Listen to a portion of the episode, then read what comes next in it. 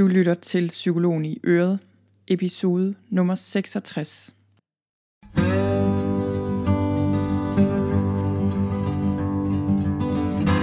Velkommen til Psykologen i Øret. Jeg er psykologen Birgitte Sølstein, og Øret, det er dit. Tak fordi du lytter med.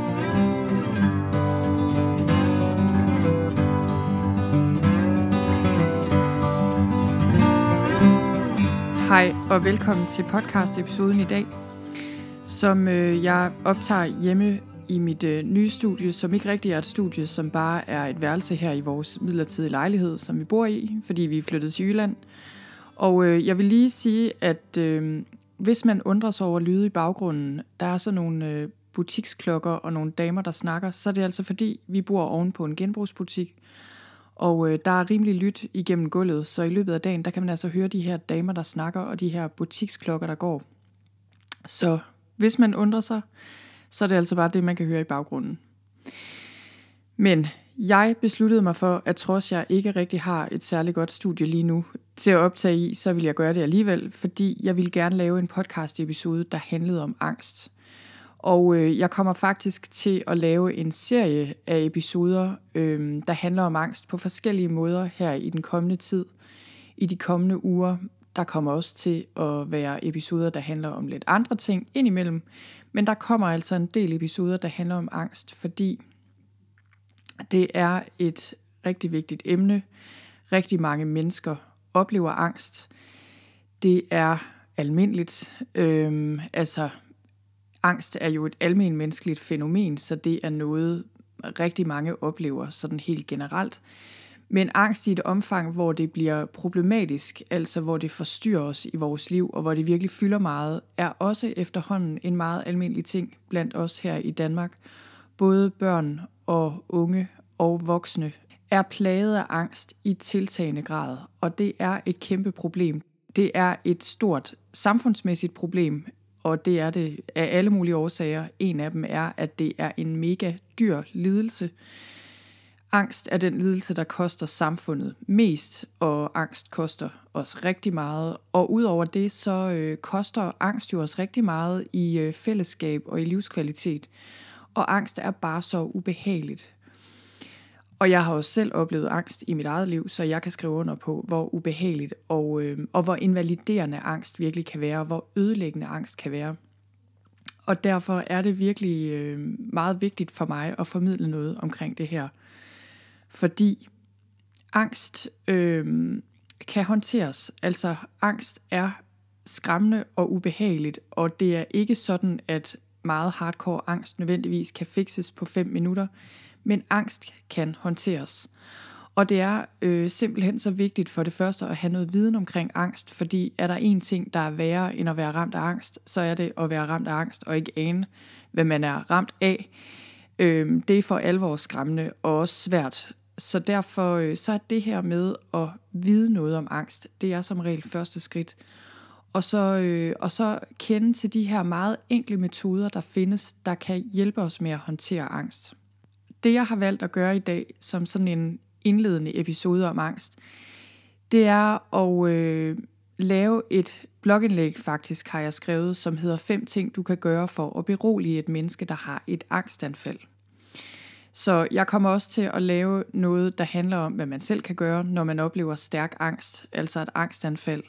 Men jeg begynder med, hvad man kan gøre, hvis man gerne vil hjælpe et andet menneske, der har et angstanfald.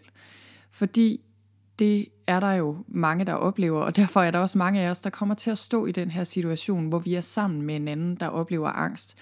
Og det kan være rigtig svært at håndtere. Og jeg tænker, at mange af os øh, kommer i bedste mening til at gøre ting, der ikke er specielt hensigtsmæssige, og det kommer jeg også lidt ind på i episoden i dag. Så det jeg gerne vil gøre her og nu, det er at sige lidt om, hvad et angstanfald overhovedet er for noget, og hvordan det føles, altså hvad symptomerne er, så vil jeg sige lidt om, hvorfor det er så svært selv at regulere angst, når den først bliver meget stærk, som den bliver under et angstanfald. Så vil jeg sige lidt om det her med, hvad der ikke hjælper, og hvad man ikke skal gøre, når man er sammen med et andet menneske, der er ramt af stærk angst. Og til sidst så kommer jeg med de her fem ting, som du kan gøre for at hjælpe et menneske, der oplever et angstanfald. Hvis du gerne vil se det her på skrift, så kan du gøre det inde på min hjemmeside på sølvstein.dk-blog, og så kan du finde blogindlægget derinde. Lad mig begynde med at sige lidt om, hvad et angstanfald er og hvordan det føles. Som jeg lige har sagt, så er angst og angstanfald en meget almindelig ting. Det er faktisk mere almindeligt, end de fleste går og tror.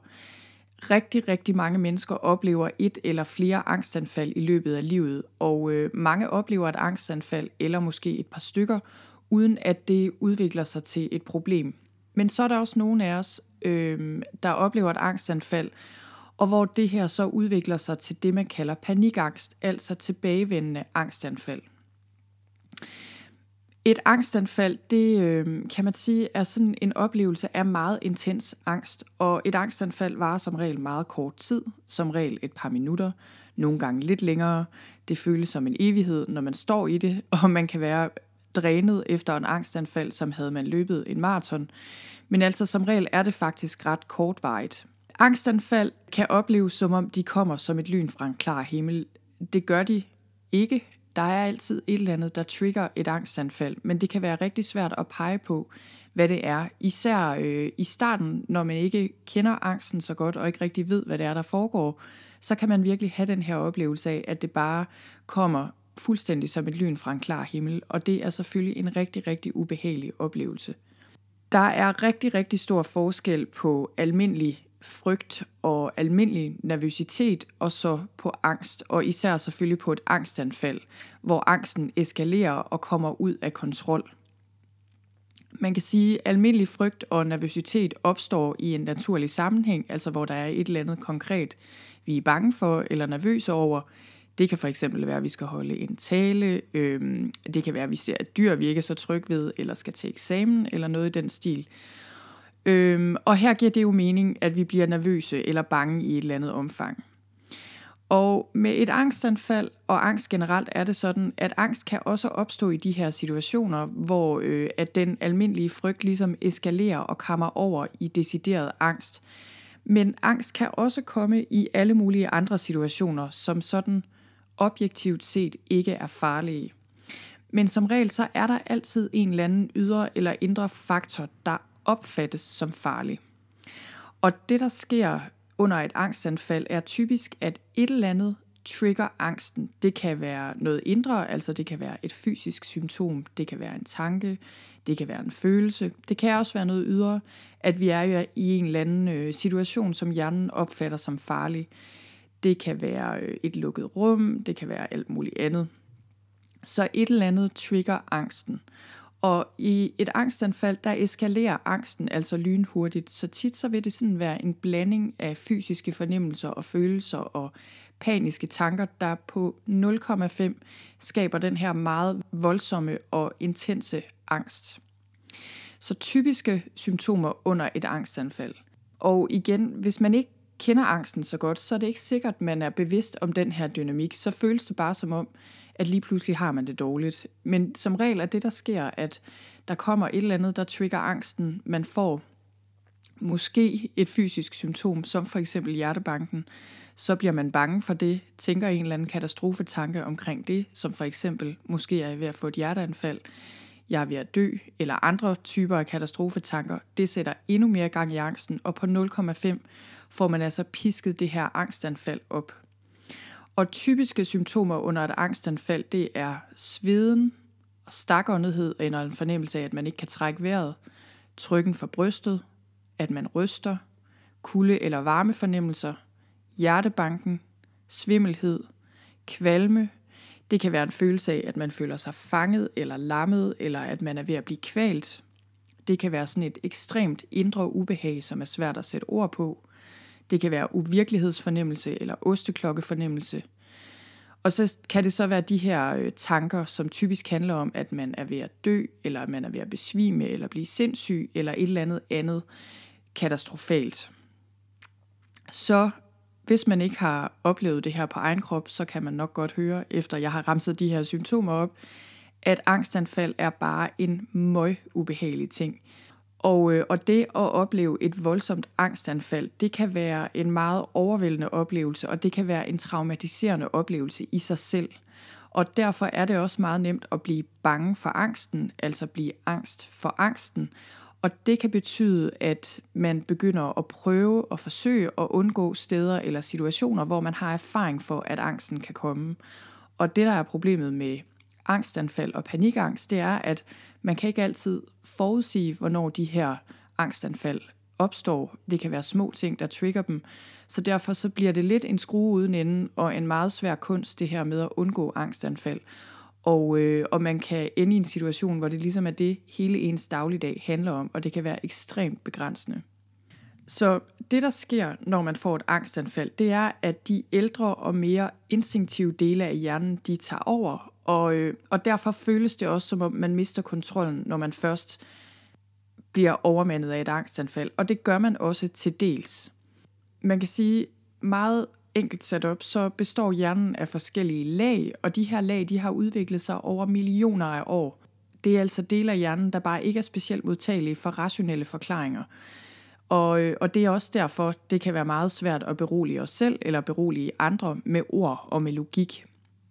Og de her ældre dele af hjernen kalder vi tit krybdyrhjernen og den limbiske struktur i hjernen.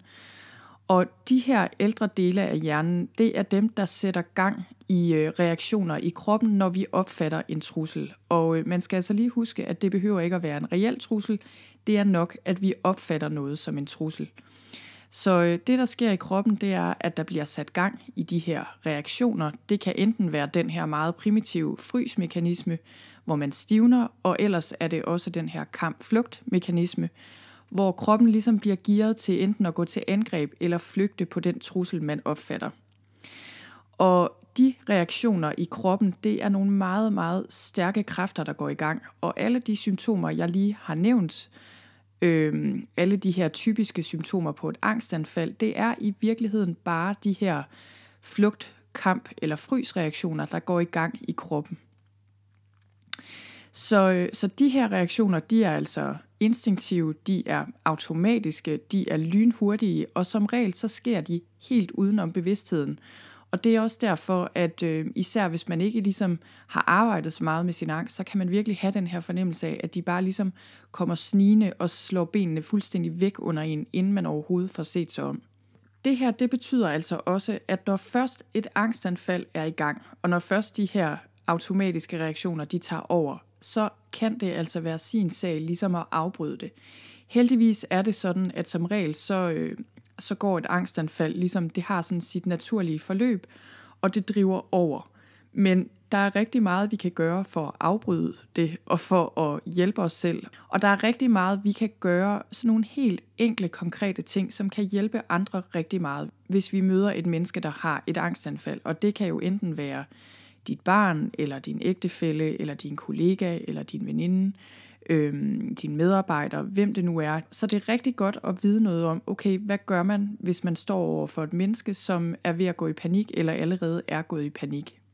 Og de bud, jeg kommer med her, øh, de handler om på den ene side, ligesom at prøve at tale direkte til de her mere primitive dele af hjernen, og fortælle den, at der ikke er fare på færre, og berolige den anden på, på den måde.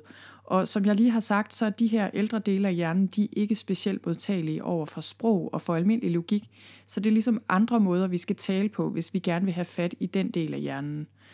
Og så handler det her også om at hjælpe vedkommende med et angstanfald, og hjælpe dem med ligesom at vi blive mere bevidste om, hvad der egentlig sker øh, i kroppen, og og ligesom komme mere til stede uden at gå i panik. Så den her nye og mere så den nyere del af hjernen, som vi jo også har, som er der, hvor vores øh, mere rationelle bevidsthed sidder, så den ligesom kan komme ind og få mere kontrol over situationen. Men inden jeg springer videre til det, man kan gøre, så vil jeg lige sige lidt om, hvad der i hvert fald ikke hjælper. Så det første, der sjældent hjælper, det er, hvis man siger til et menneske, som er midt i et angstanfald, at vedkommende bare skal slappe af. Fordi når man er ramt af angst, så prøver man med vold og magt at slappe af, men det kan bare ikke altid lade sig gøre. Hvis det kunne, så havde man nok ikke fået et angstanfald. Så det her med at forsøge at modarbejde kroppen og ligesom tvinge en anden til at slappe af, øh, eller formane en anden om at slappe af, det virker bare ikke. Og øh, det har vedkommende sikkert allerede prøvet selv, ligesom indeni, at sige til sig selv, at de bare skal slappe af. Men som regel, så giver det bare endnu mere spænding i kroppen og endnu mere ubehag. Dermed ikke sagt, at du ikke kan sige til vedkommende, at det er vigtigt at slappe af, men tonefaldet er vigtigt. Hvis du bruger et mildt tonefald, så er det selvfølgelig okay at sige slap af, men det er dit tonefald og ikke ordene, der er afgørende, og det siger jeg mere om lige om lidt. Noget andet, der ikke er specielt hjælpsomt som regel, det er at begynde at spørge om, hvorfor de er bange, og ligesom prøve at overbevise dem om, at der ikke er nogen grund til panik. Fordi for det første, det at sige en hel masse hjælper ikke nødvendigvis, hvis du står over for en anden, som er grebet af panik. Fordi du skal tænke på, at den anden har allerede helt vildt mange tanker i hovedet, øh, og har helt sikkert allerede prøvet at overbevise sig selv med rationelle tanker om, at der ikke er noget at være bange for. Og det der er med angst, som, øh, som de færreste måske ligesom forstår, det er, at når man er ramt af angst, så ved man som regel godt selv, at det er irrationelt, og at det er ulogisk. Det er som regel ikke det, der er problemet. Og derfor vil det også sjældent virke, at du ligesom prøver at komme ind med rationelle argumenter og prøver at overbevise vedkommende om, at der ikke er noget at være bange for. Næste ting, som ikke er hjælpsomt, og det siger jo sig selv, det er, at du ligesom begynder at dømme personen, eller bliver irriteret eller utålmodig.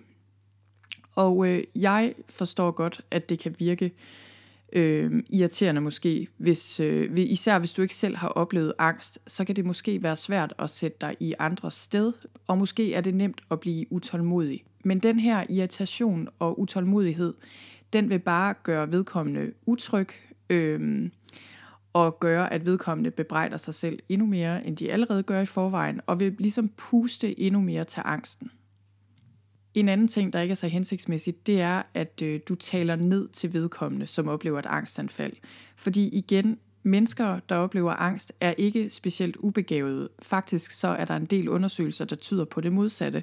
Altså at mange mennesker med angst er mere intelligente end gennemsnittet man kan sige, på mange måder er angst jo bare en ekstremt dårlig måde at bruge en god fantasi på. Men, øh, men man kan sige, det jeg prøver at sige her, det er, at mennesker, der oplever angst, er ikke syge på den måde. Øh, eller hvad skal man sige, de har ikke gavn af, at du ligesom behandler dem som et offer og som en eller anden person, der er hjælpeløs. Angst er dybest set et almindeligt fænomen, og min erfaring er, at mennesker, der oplever angst, er ganske almindelige mennesker. En anden ting, der heller ikke hjælper, det er, at du selv går i panik. Det kan selvfølgelig være svært ikke at gå i panik, når et andet menneske gør det, men, øh, og især hvis du ikke ved, hvad du skal gøre, og det ved du forhåbentlig lige om lidt, når du har lyttet det her til ende. Men øh, prøv at se, om du kan lade være med at gå i panik, fordi det gavner ikke dig, og det gavner heller ikke vedkommende, der også så øh, du kan selvfølgelig have medfølelse og forståelse for vedkommende, men lad være med ligesom at hoppe ombord i angsten og bare være med til at piske en stemning. Det sidste, jeg vil nævne her, som er noget, der ikke er specielt gavnligt, det er, at du tvinger vedkommende til noget, de ikke har lyst til. Det er selvfølgelig en balance det her, fordi det er rigtig godt at udfordre angst, men det er ikke en god idé at gøre det, når vedkommende er overvældet af angst. Fordi det vil bare give en rigtig, rigtig ubehagelig oplevelse. Og jeg vil også sige, at du kan ikke altid se på andre, at de oplever stærk angst. Selvom det opleves ekstremt ubehageligt på indersiden, så er der faktisk rigtig mange mennesker, som er meget gode til at skjule selv ekstremt ubehag. Så du skal ikke lade dig narre her. Øhm, så hvis du ved, at vedkommende har det rigtig skidt, og oplever et angstanfald, så lad være med at presse dem til at gøre noget, de ikke har lyst til. Det er ikke lige der, man skal udfordre angsten. Det skal man, når hjernen og systemet er faldet til ro. Og så er vi kommet til de fem ting, du kan gøre for at hjælpe til gengæld. Og inden jeg nævner de her fem konkrete ting, så vil jeg lige sige, at det er vigtigt at huske, at det her er jo ikke raketvidenskab.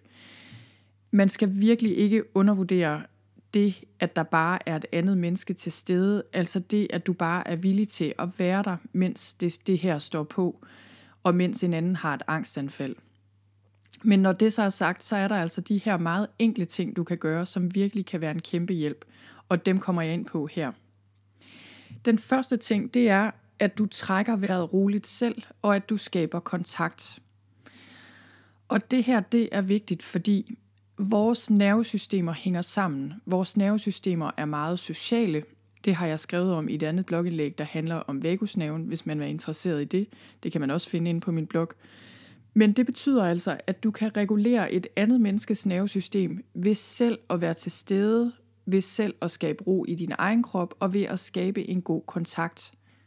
Det er jo sådan, at din energi smitter, og øh, derfor er det også så vigtigt, at du selv bevarer roen, og det i sig selv vil være en kæmpe hjælp.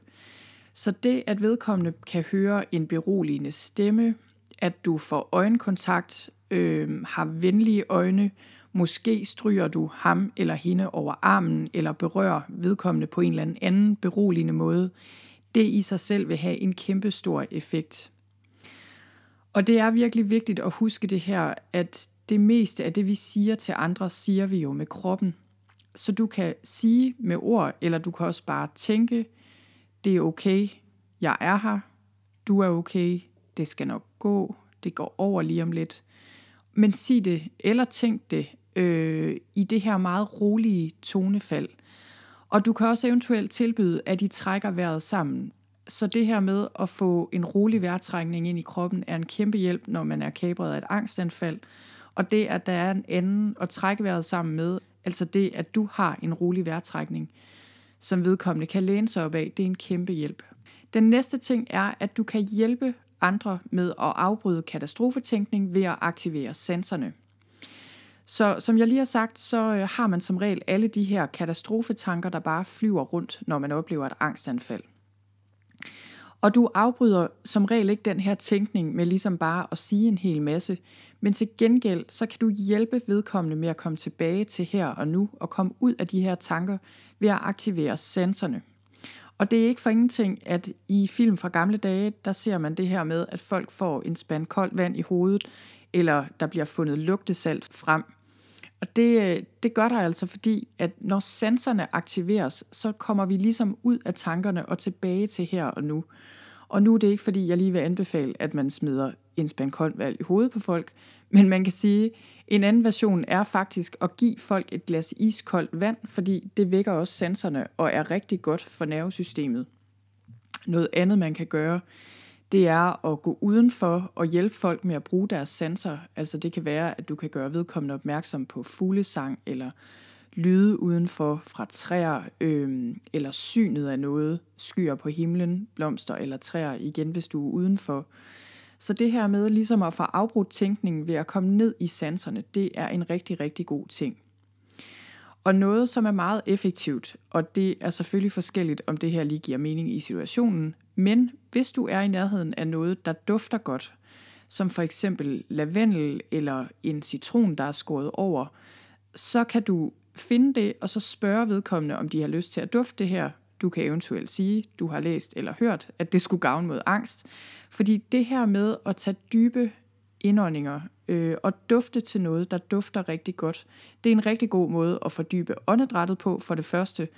Men det er virkelig også noget, der får nervesystemet til at slappe af, fordi igen så fortæller du de her ældre dele af hjernen, at alt er okay, jeg står bare her og dufter til en lavendel, jeg kan godt slappe af. Tredje ting, jeg vil anbefale, det er, at du giver vedkommende mulighed for at bevæge sig igen tænk tilbage på, at når den her kæmpe angstreaktion kommer i kroppen, så øh, er det egentlig energi, der sendes ud i kroppen, som ligesom mobiliserer kroppen til at gøre noget, og kæmpe eller flygte eller handle på en trussel på en eller anden måde. Så det her med at bevæge sig er rigtig godt for en krop, der lige har haft masser af angst igennem systemet. Og, øh, og det at bevæge os gør os også mere nærværende og giver en bedre jordforbindelse, end hvis vi bare sidder på en stol. Så øh, det du kan gøre, det er at spørge vedkommende, om de har lyst til at gå en tur udenfor. Det fordyber også åndedrættet og gå en tur stille og roligt. Eller i hvert fald kan du tilbyde, at de lige går uden for lokalet og går lidt rundt, eventuelt strækker jeg lidt. I det hele taget så vil jeg virkelig anbefale bevægelse, når man oplever meget angst i systemet. Jeg ved godt, at man måske ikke altid lige kan lave yoga, derfor man står og går, øh, hvis man lige har haft et angstanfald. Men yoga er faktisk en rigtig, rigtig god ting for en krop, der har haft et angstanfald. Fire ting, jeg vil anbefale, det er, at du hjælper med at sætte ord på, hvad der foregår. som regel så øh, vil vedkommende, der oplever angst, have de her meget voldsomme fysiske reaktioner i kroppen. Og øh, forskning peger på, at det at sætte navn på intense følelser og intense fysiske fornemmelser faktisk kan nedregulere intensiteten. Man kalder det her for labeling eller navngivning på dansk. Så i nogle tilfælde, igen hvis det giver mening selvfølgelig, så kan det hjælpe rigtig meget, hvis du hjælper vedkommende med at sætte ord på, hvad der foregår. Og det gør du ved at stille spørgsmål som, hvad mærker du i din krop lige nu? Og så få folk til at fortælle om de fysiske fornemmelser, de mærker. Hvilke fysiske fornemmelser oplever du præcis? Hvor i din krop sidder det? Hvordan føles det? Altså de her spørgsmål, der ligesom hjælper vedkommende med at observere, hvad der egentlig foregår på sådan en neutral måde. Og hvis vedkommende så ryger ud i katastrofetanker som, jeg tror, jeg er ved at dø, eller jeg tror, der er noget i vejen med mit hjerte, eller hvad det nu er, så kan du sige, måske kunne det også bare være angst og spændinger på en mild måde selvfølgelig. Øhm, du kan sige, jeg tror måske bare, det er angst. Det er ikke farligt. Det går over lige om lidt. Og det her, det kan altså være en super, super god måde at nedregulere angst på. Og tit så, øh, så er det en meget stor hjælp, hvis der er andre end os selv, der ligesom kan hjælpe os med at komme i gang med det her med bare at sætte ord på, hvad der egentlig foregår.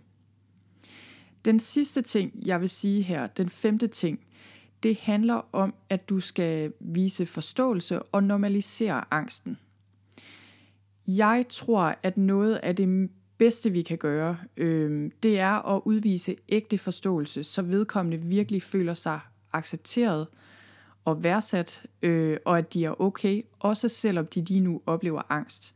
Fordi mange mennesker med angst skammer sig over det, øh, og taler ikke særlig meget om det, og er bange for, at den her angst skal blive synlig, enten på arbejdspladsen eller i omgangskredsen, og hvis det så sker, at man får et angstanfald i offentlighed eller på arbejdspladsen, eller hvor det nu er, så betyder det simpelthen så meget, at man bliver mødt på en god måde.